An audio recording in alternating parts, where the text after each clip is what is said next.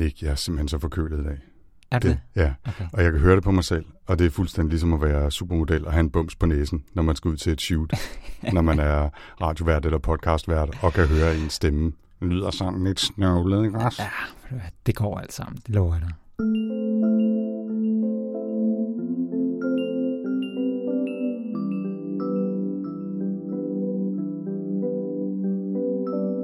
Velkommen til TechLiv, podcasten, der går imod den herskende hype, og i hvert fald forløbig ikke kan købes som en NFT. Vi ligger som altid ud med de korte nyheder, hvor vi blandt andet skal tale om en privatlivsvenlig e-mailtjeneste, der alligevel har hjulpet politiet. Vi skal også tale om en svensk kryptosvipser, og altså netop om NFT, Non-Fungible Tokens. Efter nyhederne så er der bonuspose, hvor jeg mistænker, at der måske kunne ligge en udfordring. Lad os nu se. Og så har vi vores fokus, hvor vi denne gang samler op på de seneste ugers små og store nyheder om Googles og Apples app-butikker, der er under voldsom pres, både i EU, USA og i Asien. Og til sidst så runder vi af med at tippe om, hvordan man billigt og let kan få en e-mailadresse med sit eget domæne. Jeg hedder Nikolaj Frank. Og jeg hedder Anders Høgh Nissen. Velkommen til. Velkommen til.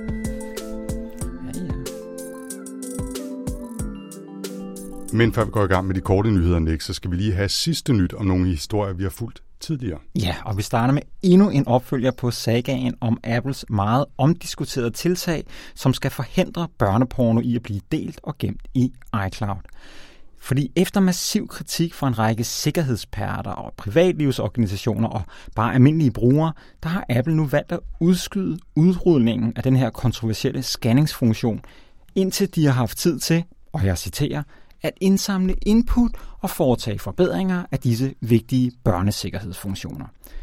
Med risiko for at gentage os selv, så er der særligt to ting ved teknologien, der bekymrer. Og det er i særdeleshed det her med, om teknologien, som jo sammenligner indhold på en telefon med en database, kan misbruges for eksempel af regeringer i mindre demokratiske lande. Det kunne være ved at kræve, at Apple bruger den samme teknologi til at scanne efter tekst eller en andre former for billeder end lige netop børneporno. Desuden så er der jo mange kritikere, der, har, der, der mener, at Apple simpelthen ikke lever op til sine privatlivsløfter, når de scanner indhold direkte på brugernes telefoner. Blandt øh, kritikerne er privatlivsorganisationen EFF, som godt nok er glade for, at Apple har sat det på pause, men de opfordrer fuldstændig Apple til at droppe sine planer.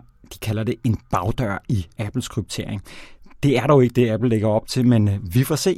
Jeg vil faktisk ikke blive så overrasket, Anders, hvis det ender med, at de må droppe dele af det her tiltag. Ja, vi får se. Det er i hvert fald spændende og interessant, at de er presset til at udskyde i det mindste deres øh, indførelse af det her. Ikke? Og nogle gange er det måske meget fornuftigt lige at stoppe op og være helt sikker. Ikke? Og tænke sig om en ekstra gang, ja. Yes. Før man ruller noget ud på en milliard iPhones rundt omkring i verden. Ikke? Jo, ja. jo det, det er måske en meget god idé at være helt sikker. Ikke?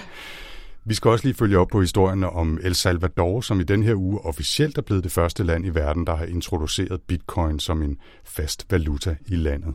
Bitcoin skal fungere sideløbende med den amerikanske dollar, som ellers har været landets hidtil eneste officielle valuta.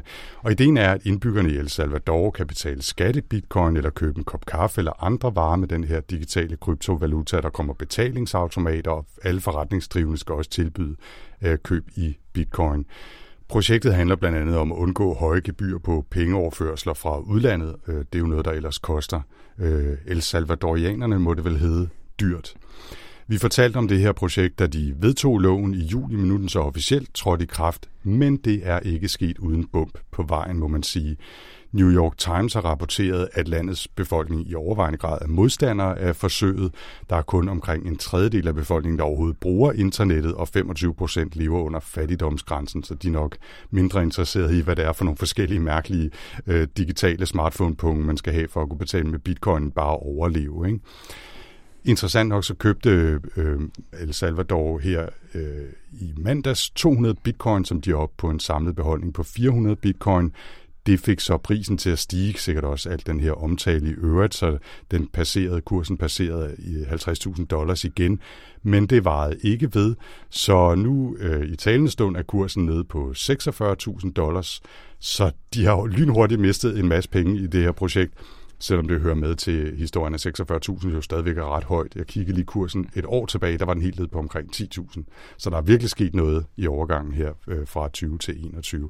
Men altså, det er stadigvæk et kæmpestort eksperiment. Det er usikkert, hvad udfaldet bliver på længere sigt, om ikke andet, så er der jo stadigvæk de her kæmpe store udfordringer med klimapåvirkningen, som bare overhovedet ikke er løst endnu med bitcoin. Ja, og jeg læste faktisk lige her, inden vi gik i studiet, at der er nogle andre øh, lande i den samme region, jeg tror det var blandt andet Honduras og et par andre lande, som, som, som følger nøje med her og overvejer at gøre noget tilsvarende. Så altså, lige pludselig kan det jo gribe om sig jo. Det kan det, og så er det dobbelt firedobbelt vigtigt, at de løser øh, energiforbrugsproblemerne med, med bitcoin. Ikke? Yes. Hmm.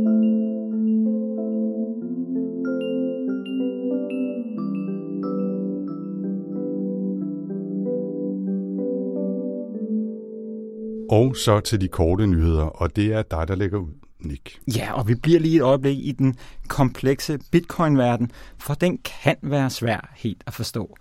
Det har de blandt andet måttet sande i Sverige i en lettere bizarre sag, der har ført til, at staten skal betale omkring 13 millioner svenske kroner tilbage til tre dømte narkokriminelle.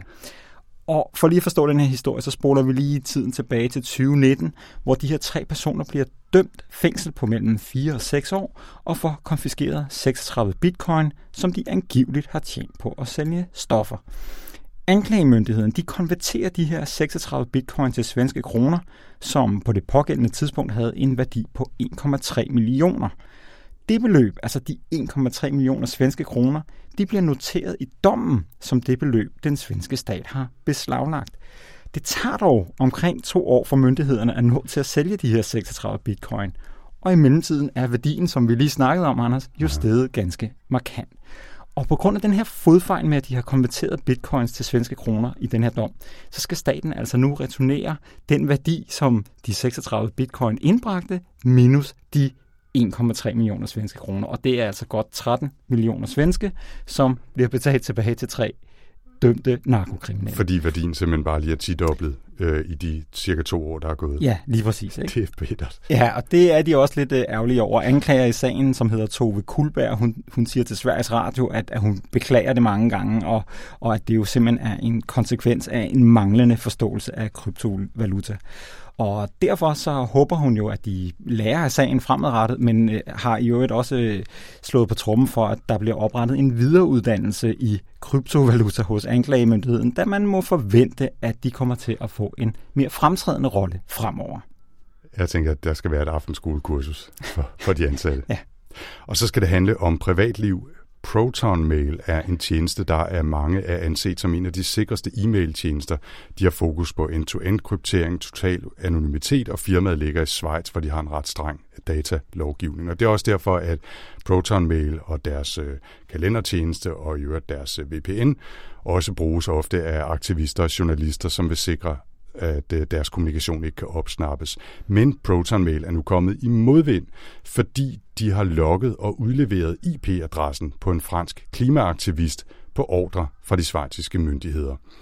Andy Yen, der er CEO og stifter af ProtonMail, han har skrevet i et tweet, at firmaet simpelthen ikke havde noget valg. Proton skal overholde svejtisk lovgivning. Så snart en forbrydelse er begået, kan privatlivsbeskyttelsen suspenderes, og vi er under svejtisk lov pålagt at besvare anmodninger fra svejtiske myndigheder, skriver altså Andy Yen. Det er jo så, hvad det er.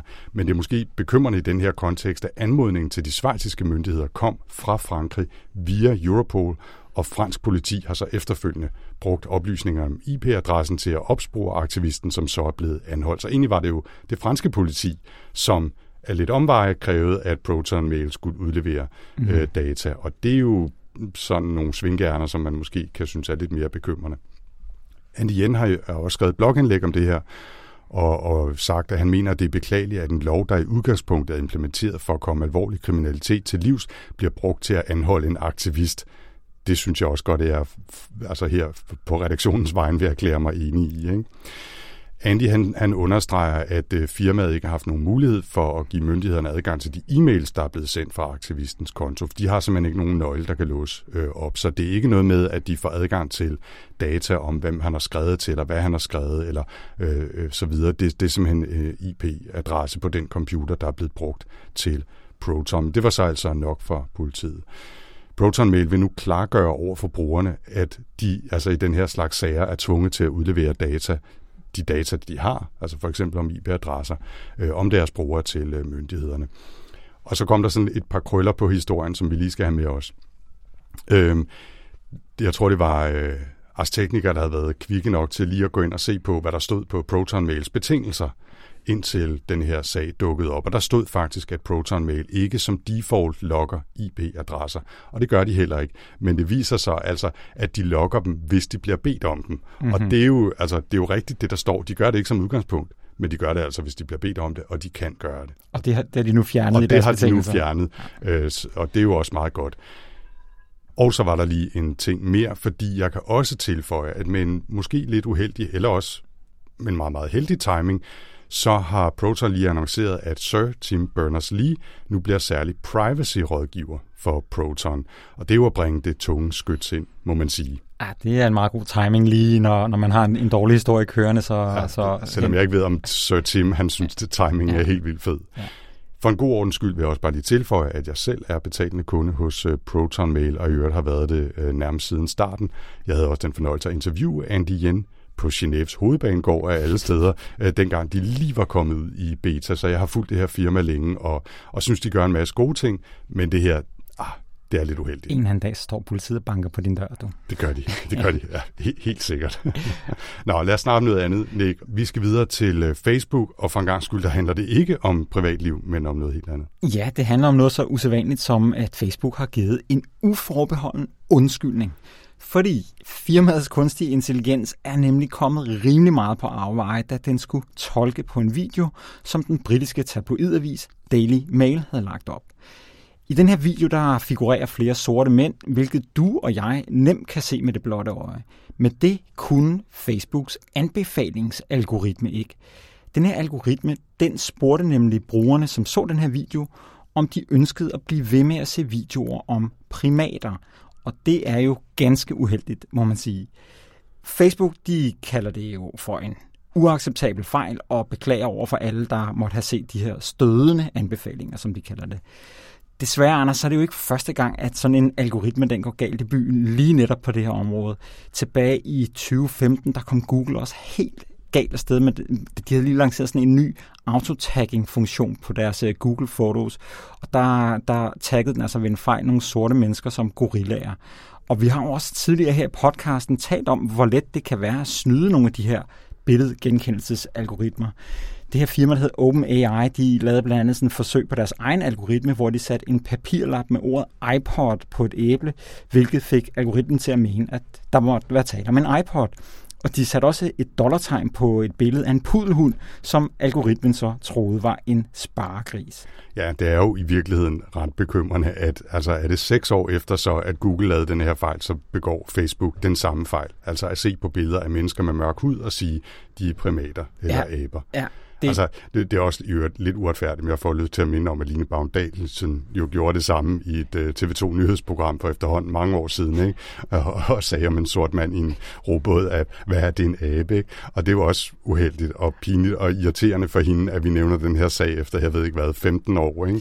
Men altså, hendes man skulle... algoritme var dårlig Men hendes, hendes algoritme var også dårlig. Ikke? Ja. Ja. Men det er mest det der med, at de har et af verdens største foto- og videobiblioteker, og de scanner det hæftigt for at lære deres algoritme øh, nye, nye ting og sager.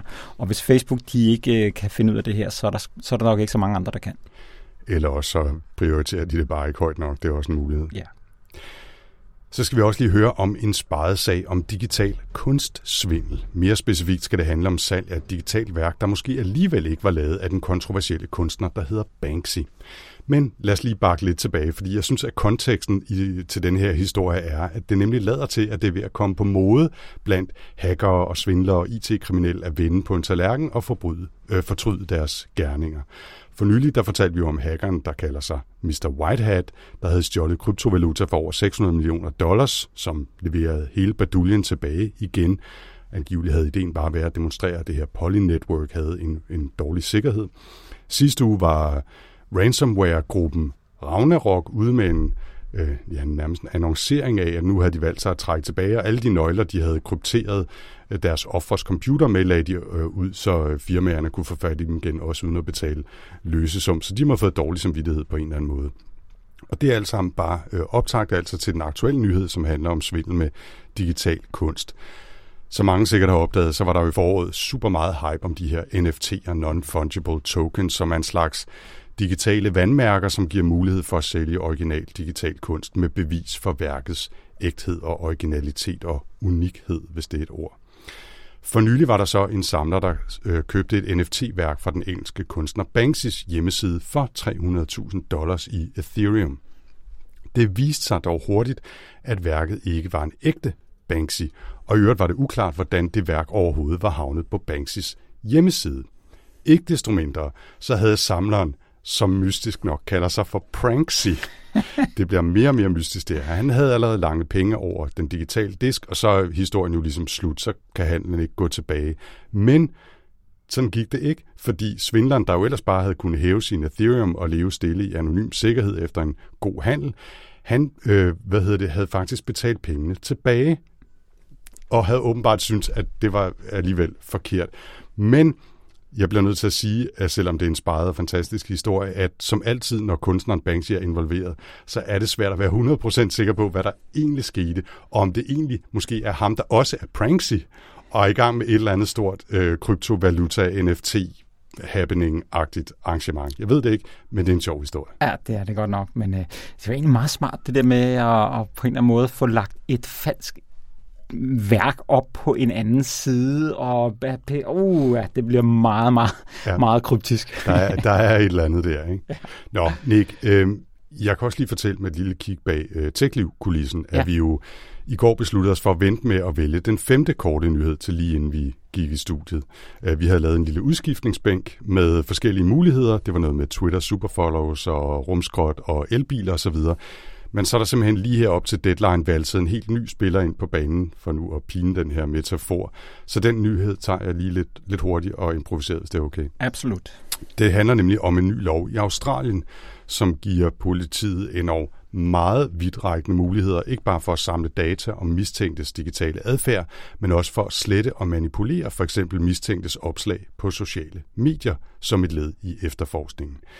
Den nye tilføjelse til loven, den har tre hovedpunkter. Tre nye udvidede muligheder for politiet, skriver NextWeb. Den første handler om data disruption, hvor myndighederne kan kopiere, slette eller modificere en mistænkt data. Så er der noget, der hedder Network Activity, hvor de kan samle alskens data fra devices eller netværk, som bruges af mistænkte, eller som man tror, den mistænkte kan finde på at bruge. Det er også lidt vildt, synes jeg. Mm. Og så er der det, der hedder account takeover, hvor myndighederne kan overtage kontrollen med en mistænkt online-konti eller cloud-konti for at samle informationer og efterforske, og herunder altså, så vidt jeg forstår det, blandt andet kunne skrive på en mistænkt øh, Twitter-konto eller Facebook-konto opslag, som om de var den mistænkte, men altså efter at politiet har overtaget kontrollen. De her indgreb kræver som udgangspunkt en dommerkendelse, men der gives også mulighed for en såkaldt emergency authorization, hvor politiet kan gribe ind uden det, de det har fået lidt, ret vidtgående beføjelser. Det, det må man sige. Ikke? Altså, målet er jo som så ofte egentlig ædelt nok. Ikke? Det er noget med opspor eller forebygge kriminalitet eller terrorhandlinger, men det er bare ikke altid målet helligere middel. Og i det her tilfælde, der synes jeg nok, at man fra politikernes side har været lovlig gavmild. Altså, man har bare givet carte blanche. Fuldstændig.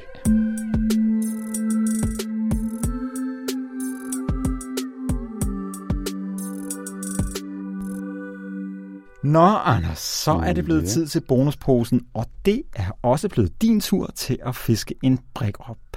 Er du klar? Jeg ved ikke, om man nogensinde er rigtig klar til bonusposen, men jeg trækker en brik.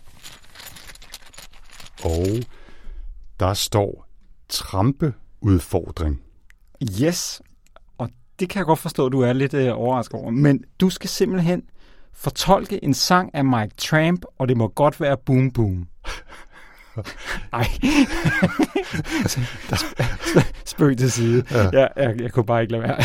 så, men øh, det skal nemlig handle om noget helt andet. Altså jeg vil sige, at nu har jeg engang for åben mikrofon prøvet at lyde som et modem, som en, eller anden udfordring i tech-liv, så altså, jeg tiltror dig det værste. Ja, men lige præcis. Nå, men hvad det, går det ud på? Det kan vi gøre en anden god gang. Det tager vi en anden god gang.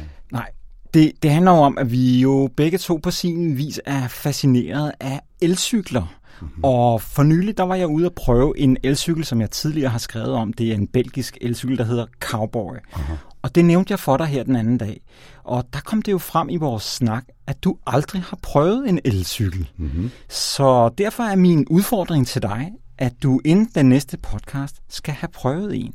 Ja. Og der er helt frit valg. Du kan vælge, hvad for en det skulle være. Øhm, som en lille hjælp vil jeg sige, at øh, hvis du nu vælger den her cowboy, som jeg valgte, og, og du kan vælge lige, altså du bare gå ned til cykelhandleren, det er ligegyldigt for mig, men de kommer faktisk hjem til dig med cyklen, hvis det er, og de kan også gøre det om aftenen og sådan noget, så det kunne måske være en nem måde at få det overstået på, bare booke sådan en tid, og så ja. kommer de hjem og, og ringer på døren. Men øh, ja. det ved jeg ikke. Det lyder super sjovt. Det er en rigtig god udfordring. Det glæder mig til. Jeg har, jeg har altid været lidt fascineret. Ja. Øh, og jeg, altså, jeg har ikke prøvet en rigtig elcykel, men jeg har jo faktisk engang prøvet en, hvor man ligesom satte en lille motor på et hjul på en eksisterende cykel. Mm-hmm. Men det var jo ikke helt det samme, vel? Og det var tilbage i 13 eller sådan noget, så der er nok sket en lille smule siden, ikke? Det er lige præcis det, ja. og det er jo ikke fordi, at det er nogen sådan voldsom øh, udfordring, hvor at du virkelig skal overveje, om du har lyst til det eller noget, men det er bare det der, når man snakker og skriver og sådan noget, så nogle gange, så skal man jo prøve det jo, så man jo ja, faktisk ved lidt mere om, hvad det, hvordan det egentlig er. Og jeg ved godt, at vi er total last movers øh, her, ikke? Altså, der er, der er bedsteforældre, der har kørt på de her cykler i mange, mange år, men, øh, men det var også lidt det der med, at måske at vælge en, der var sådan lige lidt moderne, ja. sådan fremme på, på beatet. Altså, jeg kan sige, at jeg jo tit går forbi den der trio cykelbutik, der ligger nede på Gamle Kongevej, siger mm-hmm. jeg peger. Det kan folk ikke se ud bag mikrofonen. Men de har jo de her store ladcykler, mm-hmm. som også kan få sin elmotorudgave. Og det er jo sådan noget, hvor jeg tænker, åh, det begynder lige frem at være interessant, ikke? fordi jeg kan godt cykle rundt i hverdagen, men hvis jeg skal køre rundt med et eller andet store poser med varer, eller skal transportere en flyttekasse, eller hvad ved jeg, et sengemøbel eller et eller andet, ikke? så kunne det være rart med sådan en cykel med lidt hjælp. Så sådan en kunne jeg måske godt forestille mig, at jeg gik ned og ville prøve. Absolut. Det er ja. frit valg. Jeg, jeg glæder mig til at høre, hvad din oplevelse er. Jeg melder tilbage om 14 dage. Ja, altså det er jo det tætteste, man kommer med vind på cykelstien.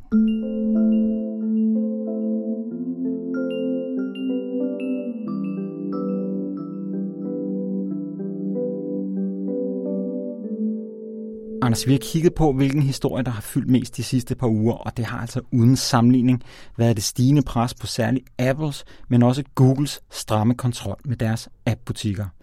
Anklager om monopollignende virksomhed skyller ind fra nær og fjern, og det trækker altså alvorligt op til, at hammeren snart falder hårdt mod Google og Apple.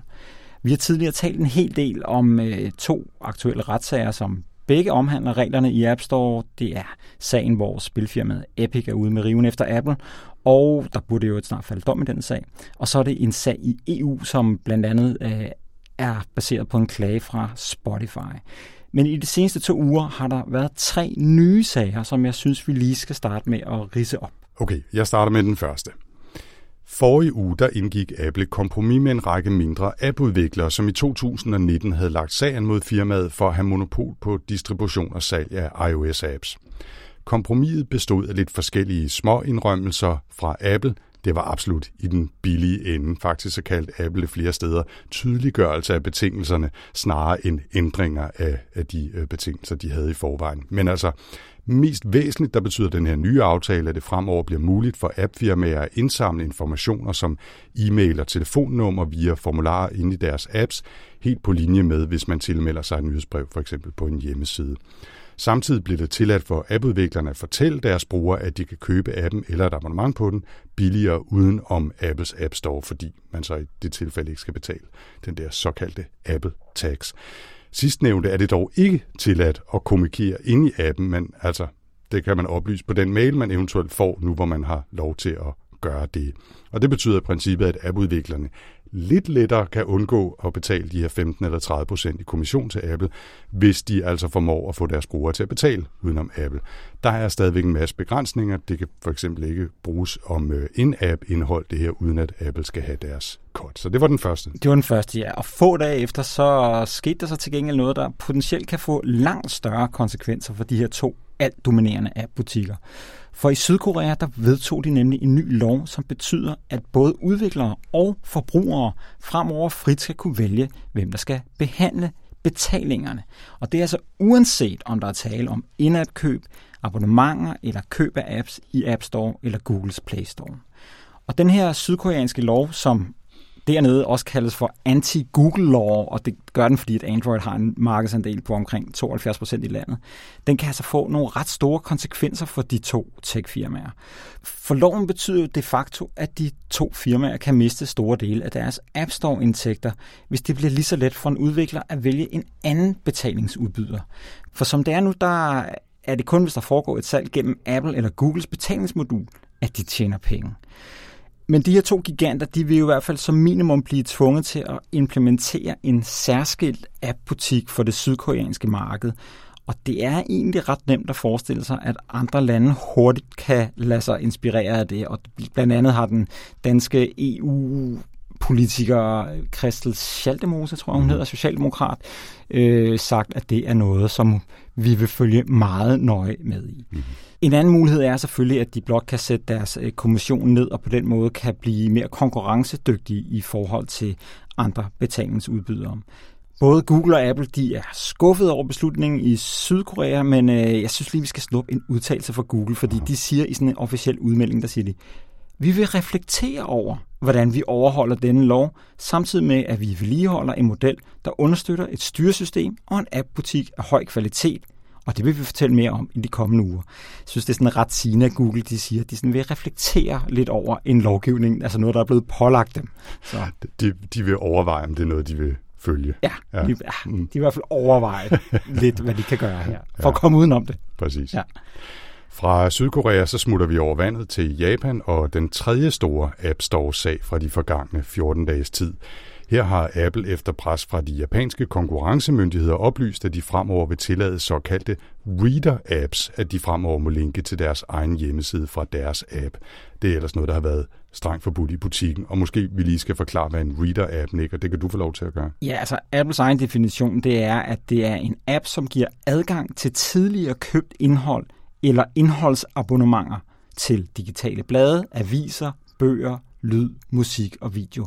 Det er i overvejende grad streamingtjenester. Jeps. Mere præcis betyder det så nu, at man fremover kan downloade Spotify eller Netflix, åbne appen og møde et link, man kan trykke på, som sender en over til en tilmeldingsformular på det pågældende firmas hjemmeside. Her kan man så lave abonnement og efterfølgende logge ind på tjenesten helt uden at Apple tjener en krone. Selvom det her så altså er en aftale, der er indgået i Japan, så kommer ændringerne til at gælde globalt, når de træder i kraft til næste år.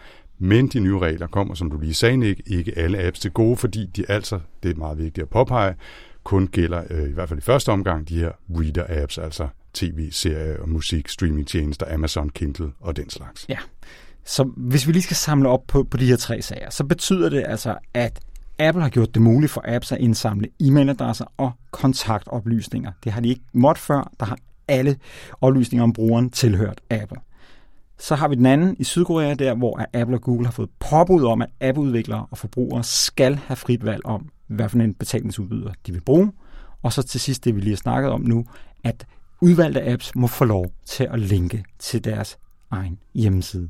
Ja, så der sker lidt, som sagt, tre store og små nyheder, og da den første dukkede op, så var der i hvert fald nogle medier, som var ude at vifte med armene og sige, nu ryger Apple, og når man så kiggede efter, så var det måske i virkeligheden en meget, meget lille ændring, de reelt havde lavet. Så kom der så de her to andre, lige kølvandet, Sydkorea og Japan, så måske sker der alligevel lidt, Nick. Ja, altså, som, sådan som jeg ser på det, fordi vi, vi startede også med at nævne, at der er den her baserende sag i EU og Epic-sagen, mm-hmm. så er der altså ikke mange, meget tvivl om i, i mit sind, at de her to firmaers app-monopoler og det synes jeg så godt, vi kan tillade os at kalde dem, at de er under afvikling.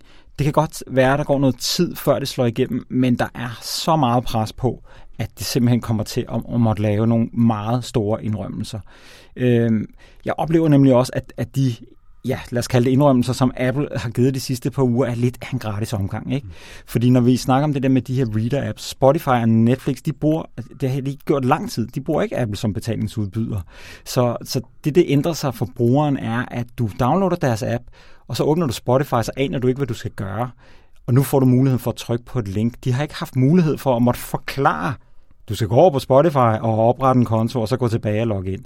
Så, så, men, men da der ikke er nogen mulighed for at betale Apple, så er det lidt en gratis omgang. Mm, ikke? Mm. Og øh, det er også lidt med, med, med det andet der med, at, man, at de må indsamle øh, oplysninger om e-mail og, og sådan noget. Det er også sådan lidt en, det er en gratis omgang, så Apple får det lidt til at fremstå som om, at de er, er meget søde og sådan noget, men øh, det koster dem ikke rigtig noget. Nej, det er ikke rigtig noget, der sådan for alvor bonger for dem. Altså, jeg kan ikke helt vurdere, i hvor høj grad det trods alt kommer til at koste bare nogle millioner, når det begynder at blive rullet globalt ud, og måske også, når det begynder at få lidt, lidt medvind og lidt momentum, og, og EU også begynder at kigge på, om vi skal have nogle tilsvarende lovgivninger.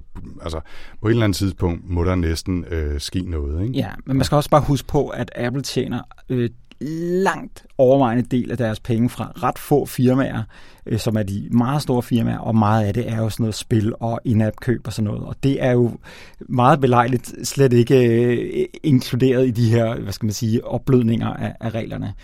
Men, ikke, ikke nu i hvert fald. ikke nu, nej. Mm. Men hvis vi kigger mod Sydkorea, ja. så der, det, det ser jeg altså virkelig som noget, som kan træ, trække tæppet væk under, under den her forretningsmodel. Fordi hvis der virkelig bliver åbnet op, sådan så at en app frit kan vælge, så, så er de altså presset til at ændre spillereglerne på en eller anden måde. Og det kunne være noget med at sætte deres kommission ned, øh, så det simpelthen så, så de kommer til at være i konkurrence med andre. Og det er jo umiddelbart godt. Men hvis det sker, så tror jeg jo altså også, at andre lande vil, vil følge troppen meget hurtigt og vil sige, den lov vil vi også have. Og hvis vi når dertil, så er det altså ved at, at, at, at være slut. Ikke? Og så, så skal de måske ud og finde en, en anden måde at tjene penge ja. på. Og, og det sidste lille perspektiv, man måske kunne trække her, eller et af de, det af de sidste, er, at det her jo for nogen godt kunne pege over i retning af det, som hvert fald nogen mener er en, en mere ideel situation, altså, og det er, at, at udover at andre skal kunne tilbyde alternative betalingsløsninger inde i App Store til Apples egen eller til Googles egen, så skal de også tillade sideloading, altså det er især en, en Apple-rettet ting, ikke? altså at man ikke nødvendigvis skal have App Store installeret for at kunne installere apps på sin, øh, på sin telefon, ligesom vi i gamle dage havde. Nu har jeg glemt, hvad den hed. Cydia? Øh, tror jeg, en stor øh, alternativ App Store, dengang man jailbreakede sin iPhone. Det var stort for fem år siden. Øhm, og, og det tror jeg, de vil gå meget langt øh, for at undgå, at vi kommer dertil. Ikke? De vil stadigvæk gerne have den kontrol, de har i App Store med udviklerne, med de apps, der ligger der. Både på grund af, hvad kan man sige, helt legitime øh, årsager, som handler om sikkerhed og beskyttelse af privatliv, og, og altså bekæmpelse af svindel og så den slags, og så måske lidt mindre legitime årsager, som handler om, at de gerne vil tage så stor en bid af kagen, som de overhovedet kan. Ikke? Og der tror jeg, ligesom du, at de formodentlig vil blive tvunget til at sætte deres kommission ned. Der er så også nogen, der siger, hvorfor er der overhovedet en kommission? Ikke? Fordi hvis en app er gratis, og firmaerne tjener på in-app purchases, altså, hvorfor skal Apple så overhovedet have nogen penge for noget som helst? Og der vil jeg nok mene, det måske er gået lidt, lidt for langt over i den anden grøft, ikke? fordi de har trods alt altså en markedsplads, de har nogle kæmpe store server, de øh, altså, tjekker apps igennem, og der, det er nemt at opdatere dem den vej igennem osv. på en måde, som det ikke nødvendigvis ville være øh, uden for App Store. Så jeg synes, de skal have lov til at have altså en indtægt på at have App Store, og at folk har, har deres apps i, i den butik.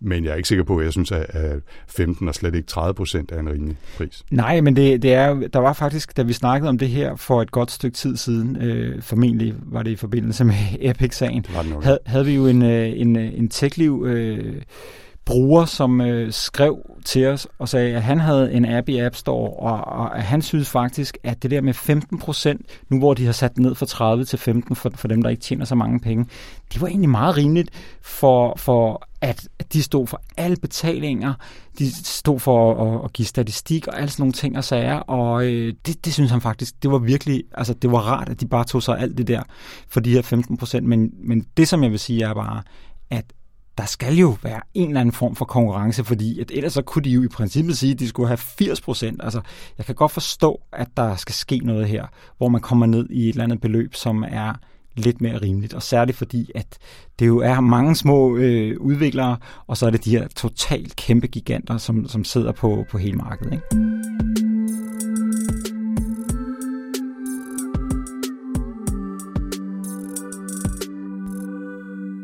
Og her til sidst, inden vi lukker og slukker for i dag, Anders, så skal vi have et tip, og du starter med at tippe. Ja, og det handler om e-mail, og mere præcis så handler det om personlige e-mailadresser, og hvordan man nu kan personalisere sin iCloud e-mail. Der er nok rigtig mange derude, der bare bruger en Gmail eller en Outlook eller en me.com eller måske en god gammeldags hotmail.com, hvis man har sådan en fra de gode gamle dage til deres personlige e-mails. På arbejdet, der har man jo så typisk en, en e-mail, der slutter på firmanavn.dk eller styrelse.dk, eller hvor man nu er ansat. Ikke? Men i lidt mere nørdede kredse, og der hører vi jo til, mm. tror jeg godt, jeg tør sige. Der har det jo mange år også været sådan lidt finere, hvis man sender også sin personlige e-mail fra sit eget domæne. Altså nikolaj mit eget domæne.dk, eller mm. hvad det nu er. Og det er ikke, fordi det er kvantefeltteori eller raketvidenskab at opsætte det, men det er lidt besværligt. Og så kræver det om ikke andet, at man har sit eget domæne, og måske domænehotel eller en tredjeparts øh, e-mail udbyder, og så begynder det måske at blive en lille smule rodet, og man skal ind og, og fifle med MX Records og sådan noget. Og man skal betale for det jo hver måned. Og man skal betale for det, ikke ja. mindst. Hvad gør du, Jørgen Nick? Jamen, jeg har mit personlige domæne, det ligger på en tjeneste, der hedder Fastmail, som, øh, og det koster over 6 dollars om måneden. Det synes jeg, der er ret altså, mange. så du har dit eget domæne og bruger Fastmail til at levere e-mail ja. fra den? Ja, jeg bruger ja, ikke domæne til noget andet end til mine e-mails, øh, det her e-mail-domæne. Og det, ja, 6 dollars, så det koster over 40 kroner om måneden eller sådan noget. Det synes jeg, der er ret meget, bare for at kunne have en lidt smart e-mailadresse. Ja, ja, ja. Jeg har også, altså, jeg har sådan et, et, et misbrug med at købe domæner hele tiden, og jeg synes, jeg finder på nogle sjove navne, og der er i hvert fald et par stykker af dem, som også har webhoteller, og derfor en e-mail tilknyttet.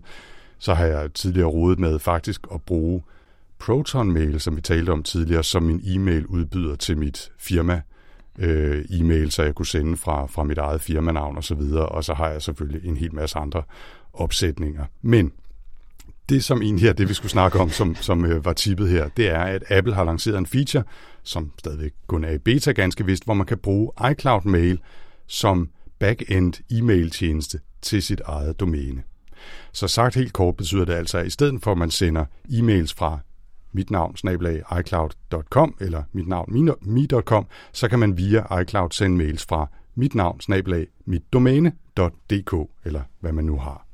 Det kræver selvfølgelig så, at man ejer det her domæne, og så skal det sættes op ind i iCloud. Men det er dog en nemmere, på nogle måder i hvert fald, og i hvert fald billigere løsning, end at skulle have Fastmail eller GMX, eller hvem, hvad pokker nu de andre. Ja, der. fordi det er faktisk en del af, hvis man har et, et abonnement på iCloud, så kan man gøre det gratis med, jeg tror det er op til fem domæner. Man ja, ja. Det, det er vist rigtigt. Og vi har begge to prøvet, Nick, og øh, du kom først, og det er jeg glad for, fordi altså, det er stadigvæk en beta-feature, og selvom det ikke var fuldstændig umuligt, så var der altså også lige nogle små tricks og sådan noget, man skulle kunne. Så jeg var glad for, at du lige havde taget en forholdet først.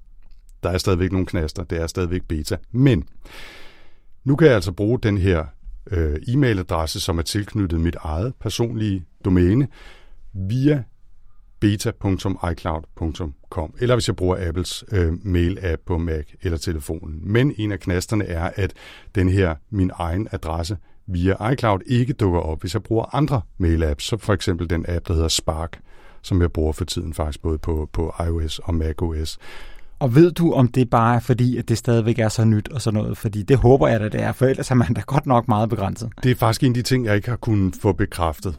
Øh, jeg, jeg håber jo i virkeligheden, at det kommer til at slå igennem alle de apps, hvor man kan bruge sin me.com eller iCloud.com. Det vil være lidt mærkeligt andet, ikke? Ja, det vil være men, øh, men altså indtil videre er det noget, man skal være opmærksom på. Så altså, i virkeligheden er det lidt et halvt tip, ikke? Fordi det er ikke et tip, der er rigtig funktionelt endnu, men hvis man er sådan en, der godt kan lide at nørde med den slags, som måske i forvejen betaler for en tredjeparts e-mail-tjeneste øh, til sit eget domæne, så kunne det da være værd at kigge på det her. Ikke? Så Altså, jeg har personligt øh, jo overvejet det, da jeg hørte om, at de ville lancere den her feature, fordi, at, som jeg nævnte før, jeg, jeg kunne da godt undvære at betale de her 500 kroner om året til Fastmail, som vi ikke gør noget. Altså, det fungerer bare et eller andet sted. Jeg er aldrig nogensinde på deres side, øh, eller noget som helst. Øh, så for mig er det lidt ligegyldigt, hvem det er, der står for det, og, og jeg, det er lige så fint for mig, hvis det går igennem Apple server som Fastmails. Men der er en meget stor begrænsning, som jeg er, er det, der er udfordringen for mig lige nu, og det er, at du kun kan have tre e-mailadresser på det pågældende domæne. Mm. Og en af de ting, som jeg jo blandt andet har ud af at have mit eget domæne, er, at jeg kan lave en e-mailadresse, der hedder for eksempel øh, co-op, og så snabelag og så mit domæne, for ligesom at, at kunne adskille, hvem det er, jeg har signet op hos. Det kan jeg godt lide i forhold til, hvis jeg begynder at få spam på en eller anden e-mailadresse, så kan man ligesom lukke den ned. Mm. Det kan man ikke her endnu i hvert fald, med den her catch-all-adresse, som man kalder det, som ligesom bare kan samle e-mails ligegyldigt, hvad du putter foran dit domænenavn. Så der er lidt begrænsninger endnu, Absolut. og så er det altså stadig beta. Skulle du have lyst til at prøve det her tip, ikke desto mindre, så linker vi i vores show notes til Apples guide.